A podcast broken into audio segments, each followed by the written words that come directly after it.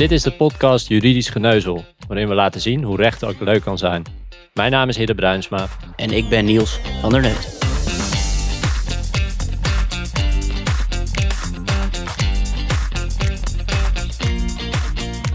Welkom bij aflevering 19 van Juridisch Geneuzel. Vandaag gaan we het hebben over proeftijd. En normaal beginnen we met een raar verhaal, maar we hebben een belangrijke mededeling.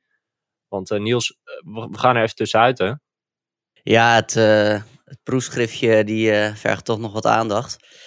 En de komende maanden ga ik daar even aan zitten. En, ja, dus we zijn de komende maanden zijn we er even niet. Maken we geen afleveringen. maar we komen zeker terug. Dus ja, ik zou zeggen, hou je podcast-app in de gaten. Want op een gegeven moment ga je wel weer een aflevering van ons zien verschijnen. Absoluut. Na dit serieuze nieuws kunnen we door met de aflevering. Want je hebt natuurlijk wel weer een raar verhaal meegenomen. En wat is dat deze keer? Ja, dit is weer zo'n klassieker die van belang is geweest voor de rechtsontwikkeling. Maar ook weer met schitterende details. Nou, het gaat om een werknemer heeft een proeftijdbeding. En de directeur heeft een paar dagen voordat de proeftijd is verstreken. aan een aantal andere werknemers laten weten dat hij van plan is deze werknemer te ontslaan. De directeur nodigt deze werknemer een dag voor het verstrijken van de proeftijd uit bij hem op kantoor. De werknemer voelt de buil hangen en denkt: ik kom lekker niet. Nou, de werkgever bellen, bellen, bellen. En uiteindelijk neemt de werkgever pas een dag na het verstrijken van de proeftijd op. Nou, eenmaal aan de telefoon ontslaat de werkgever de werknemer met een verwijzing naar de proeftijd. Het wordt ook allemaal schriftelijk bevestigd. Maar de werknemer roept de nietigheid van het ontslag in, want de proeftijd was al verstreken. Nou, de Hoge Raad gaat met de werknemer mee, maar overweegt wel dat het onder omstandigheden naar, dat is zo'n mooie term, maatstaven van redelijkheid en billijkheid onaanvaardbaar kan zijn als een werknemer hier een beroep op doet. Nou, dat is in deze zaak niet het geval, omdat de werkgever er niet alles aan heeft gedaan om de werknemer te bereiken. Hij had bijvoorbeeld ook eh, naar het huis van de werknemer kunnen komen of hem schriftelijk kunnen ontslaan. Maar hier zie je heel mooi hoe hard de proeftijd kan zijn. Het is dat jij geen advocaat bent, maar anders vond ik dit echt zo'n trucje wat jij zou kunnen bedenken. Ja, dat... En wat je dan aan iemand zou adviseren. Um, ik, best wel slim. Ik, ik, hou hem op de vlakte. Ja, precies. Hey, maar waar we het vandaag over gaan hebben, ik heb er al heel lang niks meer mee te maken gehad. En volgens mij jij ook niet echt. Um, maar heb jij wel eens meegemaakt in het verleden dat je niet door je proeftijd bent gekomen? Ik kan me niet eens herinneren dat ik een proeftijd heb gehad. Uh, we hebben samen natuurlijk in een winkel gewerkt in de Kalverstraat, ruim tien jaar geleden. Misschien ja, ik, weet, dat ik... weet niet of we daar überhaupt een contract hadden. Nee, ik, weet, ik heb geen idee. Volgens mij heb ik ooit wel iets getekend, maar of daar een proeftijd in zat, ik, ik heb geen idee. Maar als... ik heb wel, toen ik 15 was, werkte ik bij Laplace en toen heb ik wel een proefdag gehad. En ik had toen volgens mij nog nooit een baantje gehad. Dus op een gegeven moment was het zo van, volgens mij ging ik afwassen of weet ik veel, tafel schoonmaken. En op een gegeven moment had ik zoiets van, nou, ik vind het er wel netjes uitzien. En toen ging ik gewoon rustig zitten in het restaurant. Gewoon zo van, ja, ik heb even niks te doen. En toen kwam er meteen iemand naar me toe die daar werkte. Die zei, uh, één tip, uh, doe dit nooit. Want als je hier gaat zitten en de baas ziet het, dan uh, word je vervolgens overladen met werk. Dus je moet gewoon rondjes blijven lopen door de winkel, zodat het lijkt alsof je bezig bent. Ja. Nou, dat was wel, wel een goede les. Ja, inmiddels kan je dat een stuk beter. Want ik, gisteravond heb ik natuurlijk bij je gegeten. Dat deed je in ieder geval dat deed je goed. Uh, ja, ik daar heb trouwens veel van geleerd. Ik zal een, uh, de naam niet noemen, maar een collega van mij, die heeft vroeger ook in de horeca gewerkt. En die zei dat hij altijd gewoon met een pan in zijn handen rondliep door de keuken. En dat hij vijf minuten later nog steeds diezelfde pan in zijn handen had. Ja, dan kom je dus wel door je proeftijd. Ja, en dat iedereen dacht, oh, het is die hard aan het werk, zeg. Ja, precies. Nou, grappig. Um, hey, en we, we, gaan even iets heel anders doen dan normaal. Want als het goed is, heb jij nu een inbedder aan de lijn, namelijk Tosca Gort. Ik heb inderdaad uh, Tosca Gort aan de lijn. Zij is arbeidspsycholoog en oprichter van Gort Groep. Een coachbureau met meer dan 100 coaches en op duizend locaties in Nederland. Welkom uh, Tosca. Hi. Ja, we hebben deze aflevering over de proeftijd. En misschien is dat toch wel een periode waar de meeste werknemers zo snel mogelijk doorheen willen. Wat is nou de invloed van een proeftijdperiode op het gedrag van de werknemer? Nou, je hebt als werkgever heb je eigenlijk best wel veel invloed op het gedrag van de werknemer in de proeftijd. Waarom? Als je er heel erg op gaat zitten hameren dat het een proeftijd is en dat iemand eigenlijk nog een soort hè, zwaard van Damocles boven zich heeft hangen, uh, dan gaat iemand zich natuurlijk anders gedragen dan dat je eigenlijk al iemand helemaal opneemt in het team. Um, ja, en, en gelijk gaat inwerken en daarin gaat investeren. Dus het gedrag is wel degelijk afhankelijk van hoe jullie iemand behandelen in een proeftijd.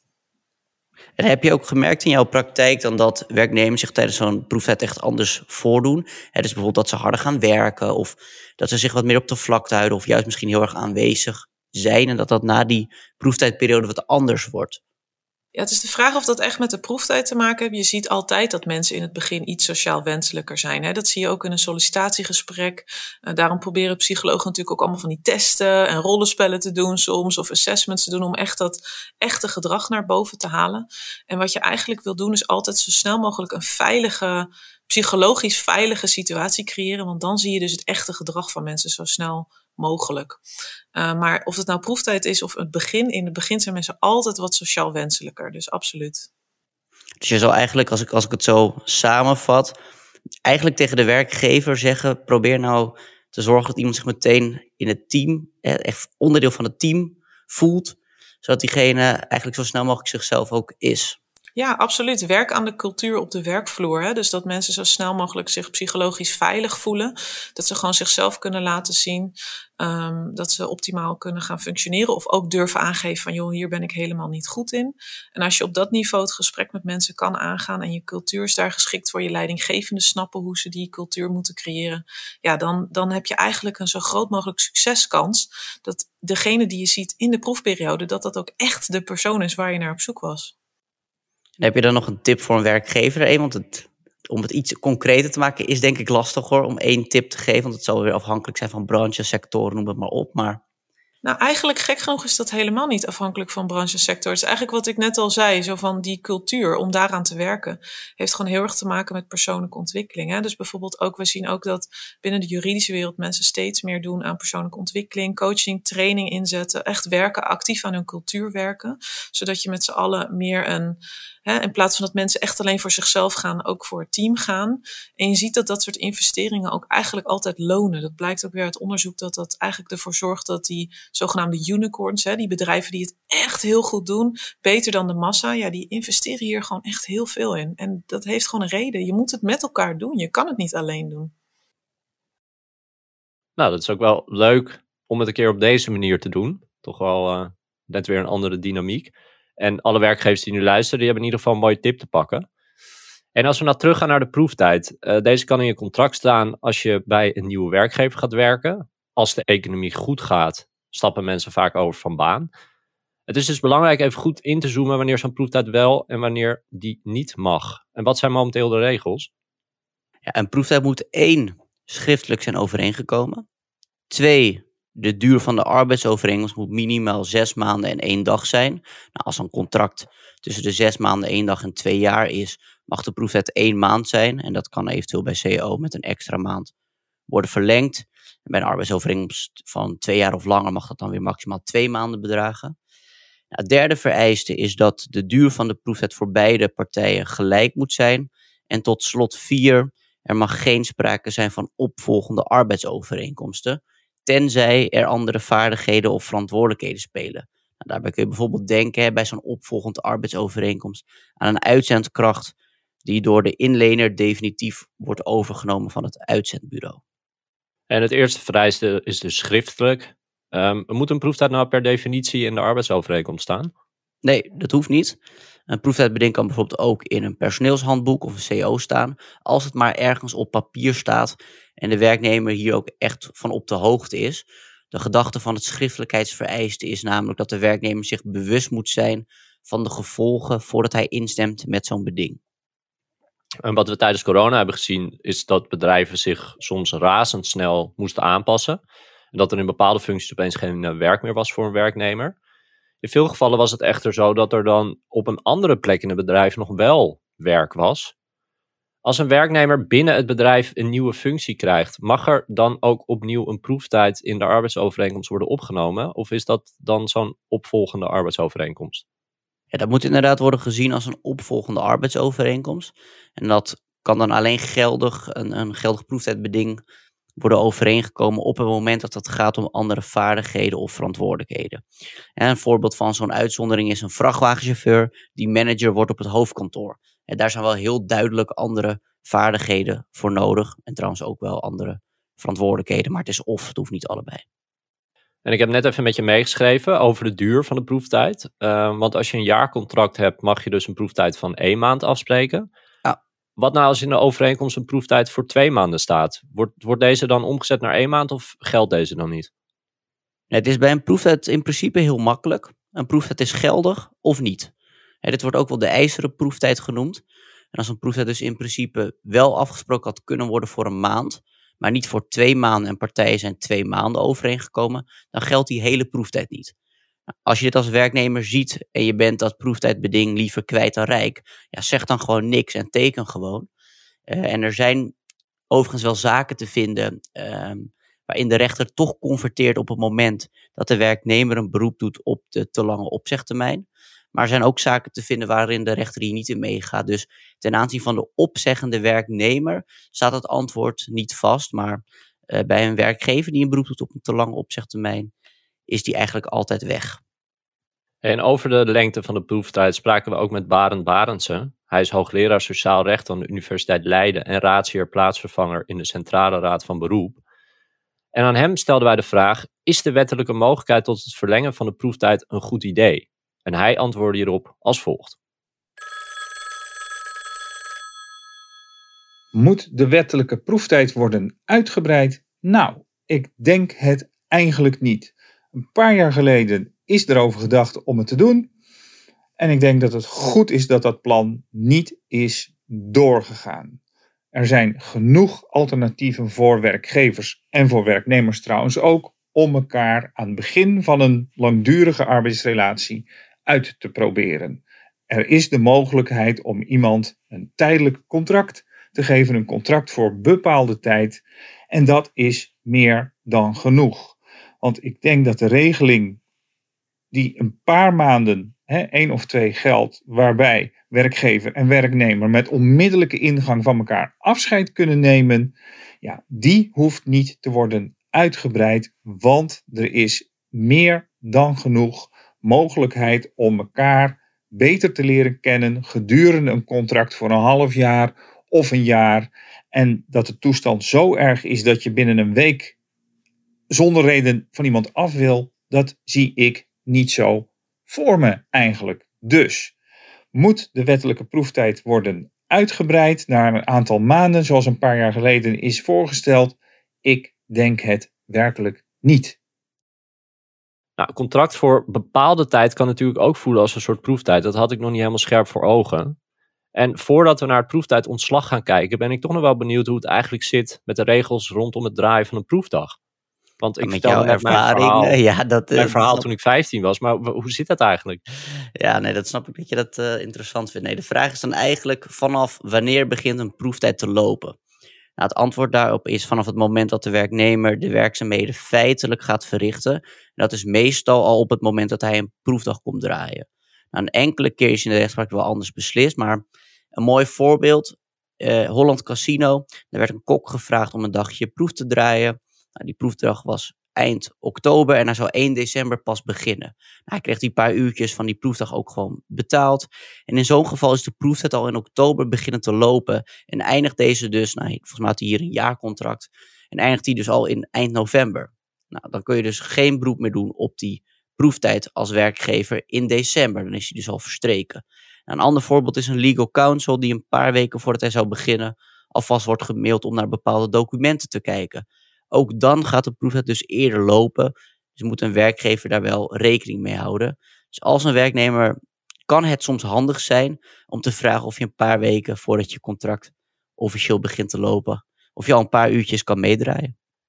En je vertelde aan het begin vertelde je een mooi verhaal eh, over, over het ontslag wat net niet plaatsvond.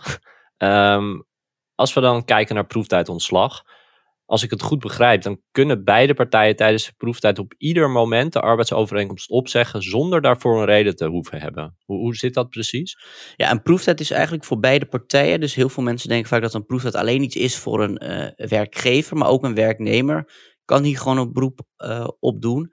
En in principe werkt het systeem van ontslag als volgt. Een werknemer kan een arbeidsovereenkomst opzeggen met een maand opzegtermijn, tenzij contractueel anders overeengekomen. En de werkgever kan alleen opzeggen of met instemming van de werknemer Ehm, en de proeftijd vormt dus op dit systeem een uitzondering. Dan kunnen partijen inderdaad met onmiddellijke ingang de overeenkomst opzeggen.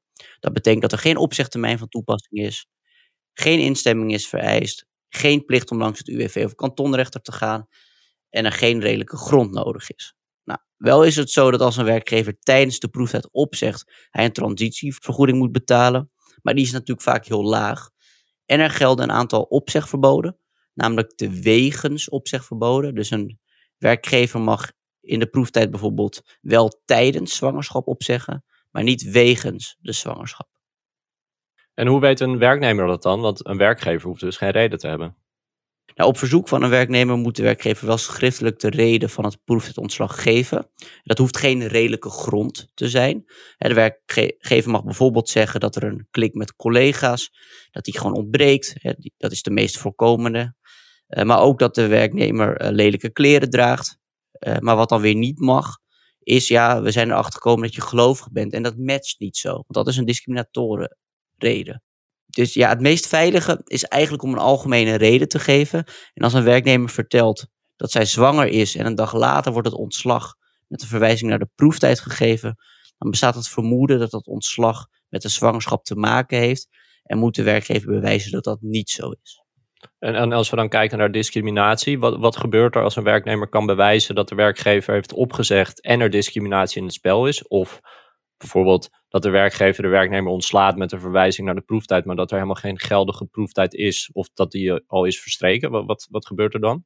Nou, in zo'n situatie heeft de werkgever opgezegd zonder daarvoor een grond te hebben. Nou, in dat geval kan de werknemer kiezen tussen vernietiging van het ontslag of het verzoeken van een billijke vergoeding. het is eigenlijk heel simpel. Bij vernietiging komt de werknemer weer in dienst en kan hij over de periode achterstallig loon vorderen, de wettelijke verhoging en de wettelijke rente. Bij de andere optie gaat het gewoon om een som geld. En dan verzoek je dus een billijke vergoeding, een gefixeerde schadevergoeding voor het niet in acht nemen van de juiste opzegtermijn en een transitievergoeding. De werknemer moet het wel trouwens binnen twee maanden doen, want anders vervalt het recht op vernietiging of een billijke vergoeding. En de andere kant op is natuurlijk ook wel interessant. Want stel nou dat jij ergens gaat werken en je krijgt als werknemer binnen de proeftijd, dus na een paar weken, ergens anders een beter contract aangeboden. En dan zeg je tijdens de proeftijd op. Uh, kan de werkgever dan de kosten voor een assessment en een opleiding bijvoorbeeld in rekening brengen? Nou, laat ik vooropstellen, werkgevers zijn niet altijd even blij als een werknemer na een paar weken opzegt. Het kan inderdaad zo zijn dat de werkgever tot dat moment alleen maar kosten heeft gemaakt voor de werknemer. Maar die kosten komen gewoon in principe voor zijn rekening. Een assessment is sowieso iets waarvoor de werkgever zelf heeft gekozen. En als de werknemer verplicht allemaal opleidingsdagen moet volgen, ja, komt dat ook gewoon voor risico van de werkgever. Dus in principe hoeft een werknemer zich hier geen zorgen over te maken. En voordat we naar de aandacht voorgaan en de tip van de aflevering, zit ik nog met de volgende vraag. Um, ik was me aan het inlezen voor deze aflevering en toen stuitte ik op de meest recente cijfers van het CBS. En de arbeidsmarktkrapte die blijft maar toenemen. Het aantal vacatures per 100 werklozen is opgelopen van 106 naar 133. Als we daar naar kijken, ligt een proeftijd in de arbeidsovereenkomst dan nog wel voorhand? Of hebben werknemers inmiddels zo'n goede positie dat ze het proeftijdbeding tijdens onderhandelingen van tafel kunnen vegen? Ja, ik denk dat dat wel kan. Uh, dat ze dat van tafel kunnen vegen. Maar of het dan verstandig is, weet ik niet. En proefwerk werkt natuurlijk, wat ik net zei, twee kanten op. Dus ook een werknemer kan op ieder moment stoppen. Het is gewoon dat, dat partijen kunnen kijken wat ze van elkaar vinden. En ja, gelet juist misschien wel op die arbeidsmarktkrapte, zal een werkgever niet zo snel een beroep doen op de proeftijd. Want hij heeft gewoon onwijs veel moeite met het vinden van mensen. En is misschien al lang blij dat hij iemand heeft. Dus ik zou eerder kijken of je als werknemer misschien een vast contract kan uitonderhandelen.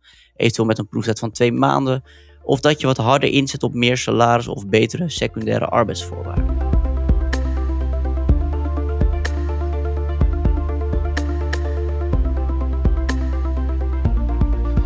En dan nu nog even graag aandacht voor. Ik ben vandaag aan de beurt voor aandacht voor. En ik wil graag aandacht vragen voor het sollicitatieproces. Helemaal in deze tijden van krapte op de arbeidsmarkt. Er hangen overal briefjes met dat ze mensen zoeken, maar toch staat nog overal dat ze je cv erbij willen. En ik snap niet zo goed waarom. Naar mijn mening is het namelijk goed om het cv af te schaffen als onderdeel van het sollicitatieproces en je als bedrijf meer te focussen op cognitieve vaardigheden. Zo heeft het Nederlandse bedrijf Equalture verschillende spellen ontwikkeld, waarin je bijvoorbeeld je persoonlijkheid wordt getest. En een van die spellen is een simulatie waarin je leiding geeft aan een team en om moet gaan met een licht ontvlambare collega. Hiermee wordt het sollicitatieproces niet alleen eerlijker, maar kun je ook de voordelen wegnemen die naar boven komen bij het lezen van een cv.